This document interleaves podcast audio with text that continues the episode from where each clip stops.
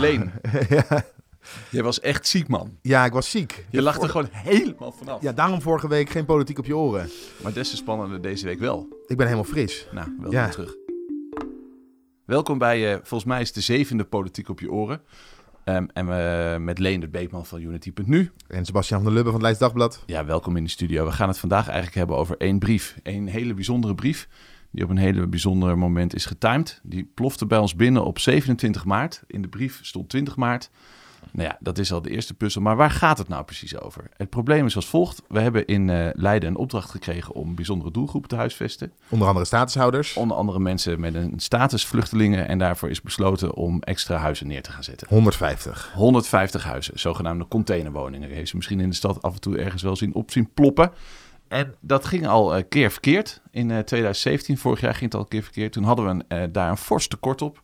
Daar is toen eh, het college mee naar de raad gegaan en heeft gezegd... kunt u daar ongeveer 6 ton bij leggen, want dan gaat het goed. Ja, en er was afhankelijk 2,2 miljoen was er voor het project begroot. Precies, 2,2 miljoen en er was dus een half miljoen was daar eh, een tekort op. Ja, 6 Nou, ton. De, de raad is daarover in debat gegaan. Die heeft gezegd, dat vinden we allemaal prima. En toen gebeurde er op 27 maart iets heel bijzonders. Ja, Leonard, waar was jij 27 maart? bij de persbriefing Bij de van de gemeente. Leiden. En toen kregen we dus dit. En dan kwam er dus nog een keertje 1, bijna 1,3 miljoen kwam daarbij.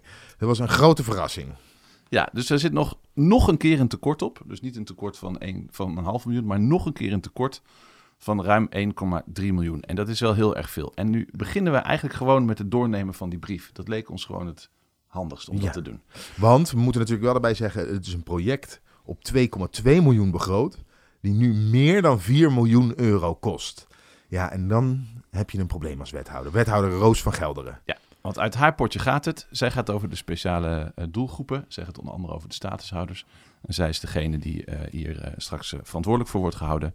En straks is 12 april. Dat is aanstaande donderdag in de raad. Gaan we het over hebben. Interpellatiedebat, eigenlijk Interpellatiedebat. wat ze in Den Haag een spoeddebat noemen. Ja. Was niet zo heel veel spoed, want die is vorige week al aangevraagd. Maar Interpellatie betekent inderdaad het afwijken van de reguliere agenda. Dan is het altijd nog even een beetje overleggen wanneer die timing dan precies is. En als we het dan toch over timing hebben, dan beginnen we maar meteen bovenaan de brief met de datum. Daarop staat 27 maart 2016, de beruchte persconferentie waar jij het, of de persbriefing waar jij het over hebt gehad. En dat is volgens jou een heel opvallende timing, want ja, er staat namelijk in de brief ehm, dat hè, dus over de overschrijding staat. Wij zijn eh, hierover op 20 maart volledig geïnformeerd en hebben besloten deze informatie onmiddellijk met u te delen.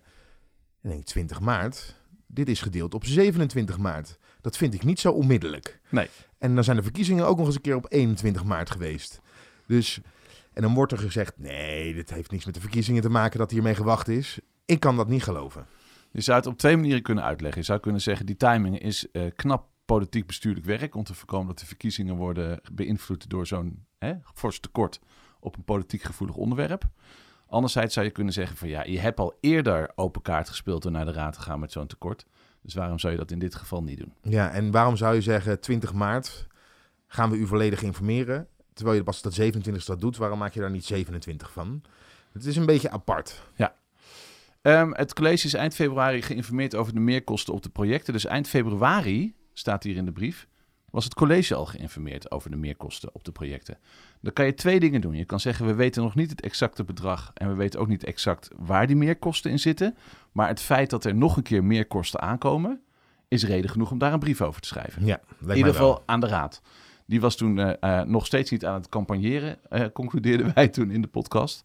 Maar je zou ook kunnen zeggen van ja, je kan wel zeggen dat je de precieze informatie wil hebben voordat je gaat schrijven. Maar je kan ook zeggen het feit dat er al eerder een overschrijding is geweest en nu nog een keer een overschrijding aankomt, is een politiek genoeg reden om te zeggen jongens, we sturen toch even die raad een brief om te waarschuwen in ieder geval dat er weer een overschrijding aan gaat komen. Ook dat is toen niet gebeurd. En dan vraag je je af van wat gaat er nu gebeuren? En dat staat ook omschreven. Ze gaan nu de gemeentesecretaris, die heeft de opdracht gegeven om te onderzoeken, en daar komt hij, de volgende pagina, waardoor de tekorten zijn ontstaan. Eh, waarop de besturing op het programma en de projecten tekort is geschoten. Hoe de samenwerking met de woningcoöperaties en het Hoogheemraadschap is verlopen. En waarom het college niet tijdig is geïnformeerd over de relevante inhoudelijke en financiële ontwikkelingen. Punt 1. Waardoor de tekorten zijn ontstaan. Dan lees je de brief verder en dan krijg je een hele duidelijke uiteenzetting waardoor er tekorten zijn ontstaan. Vind ik een bijzondere opdracht als je eigenlijk al tot, tot na de komma weet, want zo project, specifiek is het per project, op alle drie de projecten, waar die tekorten zijn ontstaan. Waarom wordt deze man nog met deze opdracht eh, het veld ingestuurd? Tenzij het een managementvraag is. Hè? Nu weten Maar we wel de die wordt bedragen. daar- die wordt daarna wordt, eh, wordt daar van hoe heeft dit nou kunnen ontstaan? Dat is Ja. een duidelijke vraag natuurlijk. Hè? Ja. Eh, maar laten we daar eens naar kijken. De tekorten die zijn ontstaan. Sumatra-straat is een meevaller. Die is eh, d- d- 30.000 euro eh, positief uitgevallen. Hebben ze knap gedaan. Ja. Hulde. Wassenaarse weg, eh 2,5 ton tekort. En dan de Voorschoterweg, waar de meeste containerwoningen Dat staan. is een drama. Ja, eh 1,2 nee, eh, miljoen. Een miljoen. Ruim een miljoen. Ruim een miljoen eh, overschrijding is daar. En Als je kijkt naar het soort kosten wat overschreden is, dan zijn er een aantal dingen waar wij ons in ieder geval enigszins over verbazen. Laten we de Wassenaarse weg even als uitgangspunt nemen. Bouwrijp maken.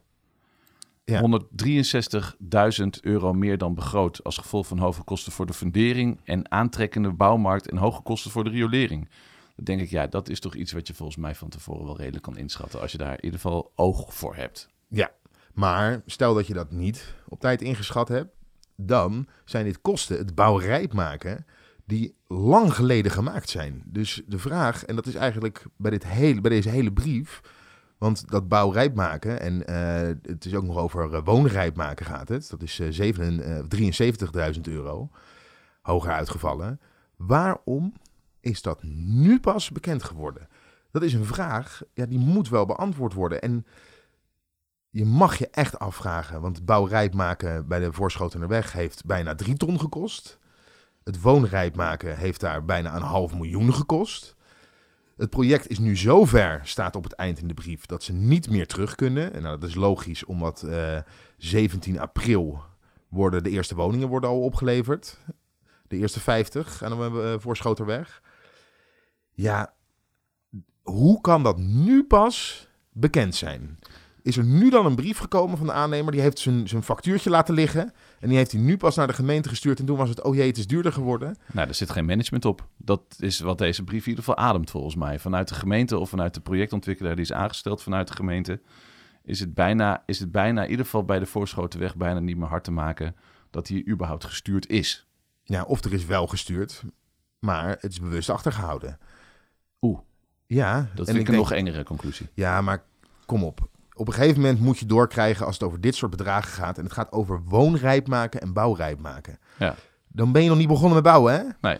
En ze zijn nu aan het bouwen. Ja. Ja, dus of een aannemer die heeft zijn, zijn factuurtje eh, laten liggen en die heeft helemaal niks gecommuniceerd over alle meerkosten die hij maakt.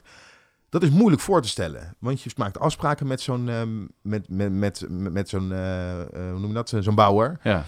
of degene die dat doet. En die moet op een gegeven moment wel zeggen, joh, dit gaat echt heel erg veel meer kosten, want anders heeft hij een probleem. Ik Ja. kan me niet voorstellen dat dat niet gecommuniceerd is. Nou ja, of nog erger, het is vanuit de gemeente gewoon helemaal niet gemanaged in, van, bij voorbaat. Ik kan me voorstellen dat je bij zo'n project risico's inventariseert. En een risico zijn meerkosten. En dan ga je nadenken over de vraag, waar leg je dat risico dan vervolgens neer? En je kan ook nog zeggen, in de onderhandeling met de aannemer, bij het aannemen van dit ongelofelijke project, heeft de gemeente Leiden zitten slapen en heeft allerlei risico's in de schoenen geschoven gekregen door de aannemer en door de participerende woningbouwcorporaties, dat ze nu de rekening daarvoor moeten betalen. Maar dan is het dus al helemaal vooraan het project. En dan wordt het nog interessant, want dan zit daar misschien een bakfout in, ook voor andere bouwprojecten in de toekomst. Zit daar al een grote fout. Maar gaan we kijken naar punt 2. Waarom de sturing op het programma en de projecten tekortgeschoten is? Nou, hè, dat is dan de vraag. Dat zit vooraan in of aan het eind van het eh, traject volgens mij. En hoe de samenwerking met de woningcorporatie en het hoogheemraadschap is verlopen. Dat lijkt me ook nog wel. N- Nou ja, hier in de brief staat wel, en dan eh, steekt het college de hand in eigen boezem. De raad mocht, mocht van het college verwachten dat er een goede inschatting zou zijn gemaakt van de totale kosten van het project. Dat, hadden we jullie, Ja. mogen jullie eh, van ons verwachten. Bovendien mocht de raad van het college verwachten dat indien er toch onverhoopt onvoorziene ontwikkelingen zouden voordoen, deze met de raad zouden worden gedeeld. En dat de raad in staat zou zijn gesteld om na af, eh, Om eh, nadere afwegingen om, te maken. om Ja. nadere afwegingen te maken, ja. Dus hier zeggen ze eigenlijk, ja, we hebben het helemaal verkeerd gedaan. Ja, en daar zit ook het chagrijn van de raad. Want de raad zegt ook van wij hebben helemaal nooit de mogelijkheid gehad om mee te denken over alternatieven. We krijgen nu een rekening waar we een handtekening onder moeten zetten. Wethouder Roos van Gelderen bij die persbriefing, die zegt, ja, dit is heel vervelend. heel onfortuinlijk. En we hebben natuurlijk ook de vraag gesteld, ja, maar hoe kan dit nou? Hier kom je toch niet zomaar op een dagje achter? Nou, eigenlijk bleek dat wel het geval. Zij werden hier ook mee verrast, zeggen ze. Ja, dan heb je dus ook geen grip op je ambtenarenapparaat. Dan zit er dus ook een probleem tussen de ambtenaren en de wethouder. Ja. Dan zit daar een informatiekurk, stop, prop, eh, eh, geen kanaal, eh, niet opgelet. Joh, dat doen we na de verkiezingen, eh, we zien wel. En uiteindelijk alles bij elkaar opgeteld is, het, eh, is deze prijs. Die probeert Leiden overigens nog wel te verhalen, deels te verhalen...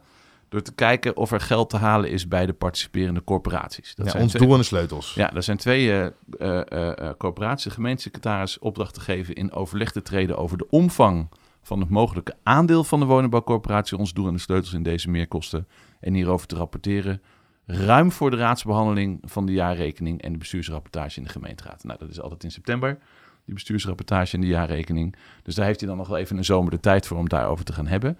Ja, de vraag is of die twee woningbouwcorporaties met deze rekening en met mogelijke risico's voor de gemeente Leiden gaat zeggen: Oh nee, dat is prima. Wij betalen een deel van de rekening. Dat maakt toch helemaal niet uit. Dus dat is wel heel bizar. En er is nog één punt waar ik wel echt eh, eh, ehm, eh, deze afgekaart hebbend.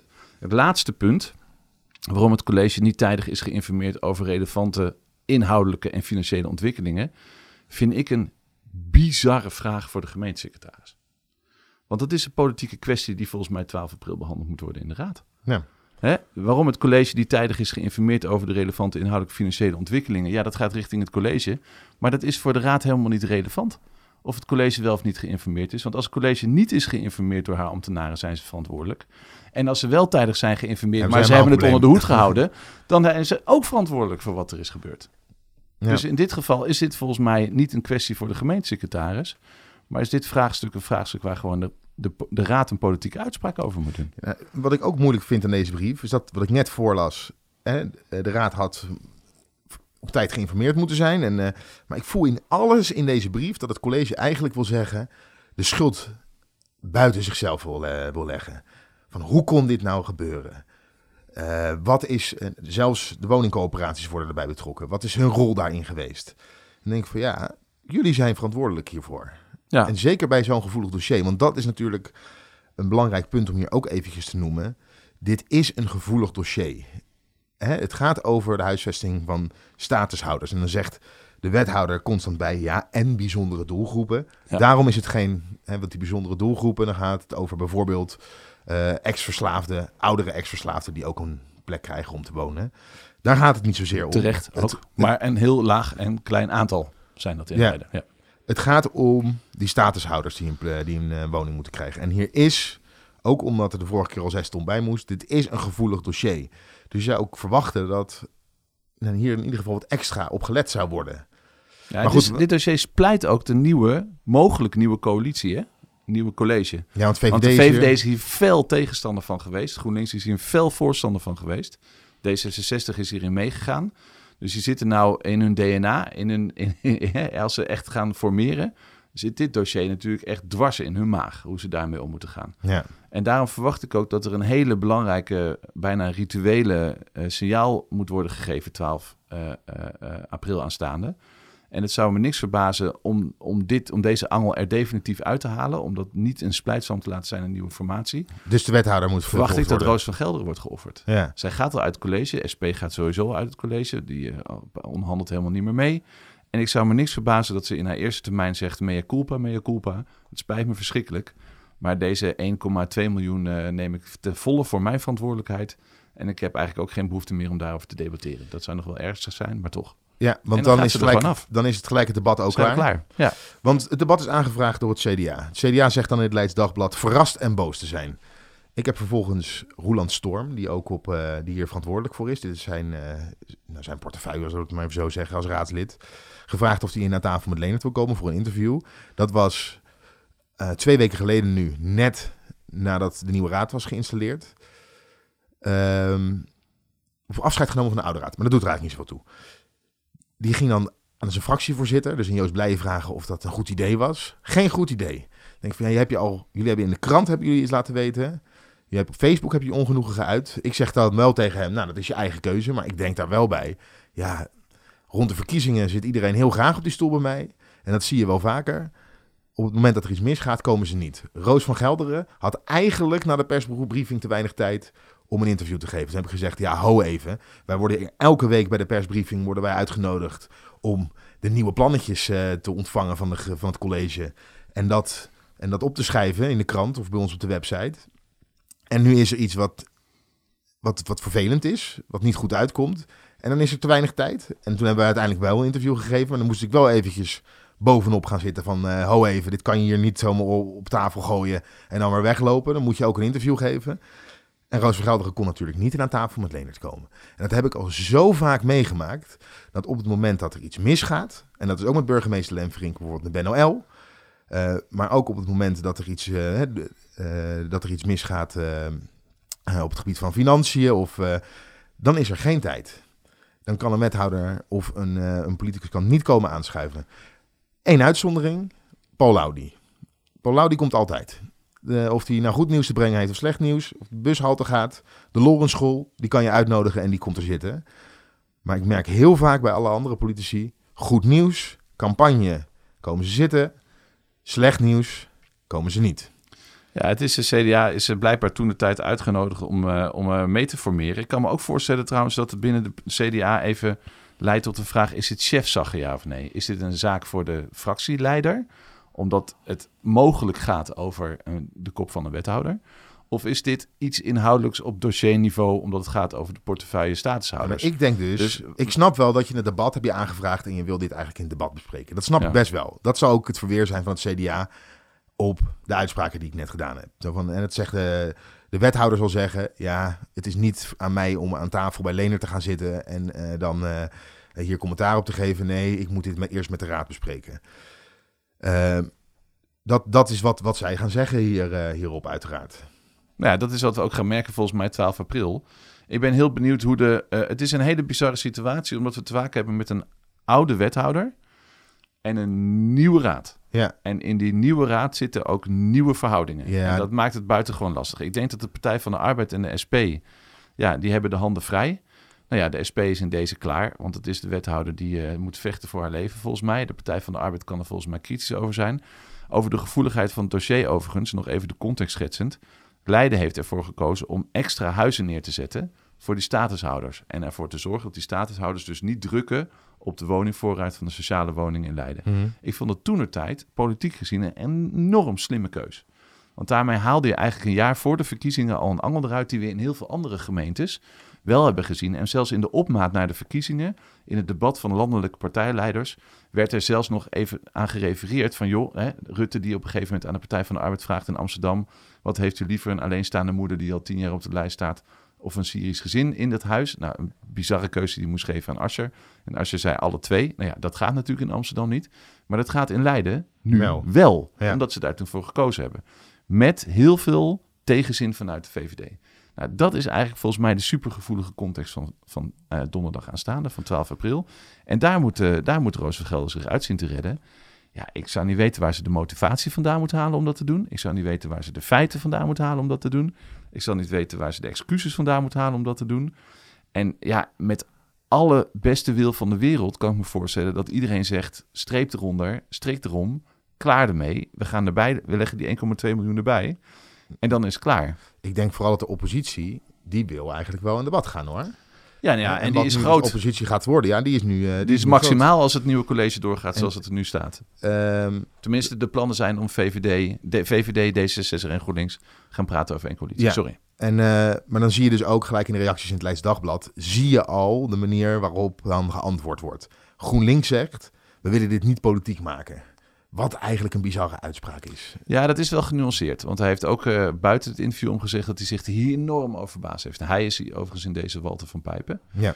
Dus, uh, maar in het uh, LD staat inderdaad een, het lijkt wel een verzachtend quoteje, omdat hij al met één voet in de macht staat. Ja, D66 is op teruggekomen. We willen opheldering. Ja. ja VVD heeft niet gereageerd Mag bij hopen. het Dagblad. CDA is dus verrast en boos.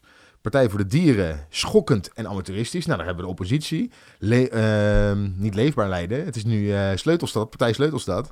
Die, uh, die vinden het ook belachelijk hoe het, hoe het gelopen is. ongelooflijk noemen ze het. Ja, dus de oppositie zal je zeker over willen praten. Maar als jij, en dan gaan we richting de formatie. Ja. Eh, als jij gelijk hebt, dan eh, zou de wethouder moeten opstappen. En de- er zijn wel natuurlijk een paar partijen die er niet over willen praten. De SP wil hier natuurlijk niet over praten. Nee, geeft ook geen steun, denk ik. Eh, nu dus, GroenLinks, D66 willen hier ook niet over praten. De VVD zou hier wel over willen praten, maar de vraag is of ze dat gaan doen, aangezien ze nu een college moeten gaan vormen met D66 en GroenLinks. En dan de voltallige oppositie, die wil natuurlijk wel graag hier een debat over hebben. Ja, het is heel spannend. Ik denk dat als er een motie van afkeuring komt en eh, die zit volgens een aantal mensen al in de zak.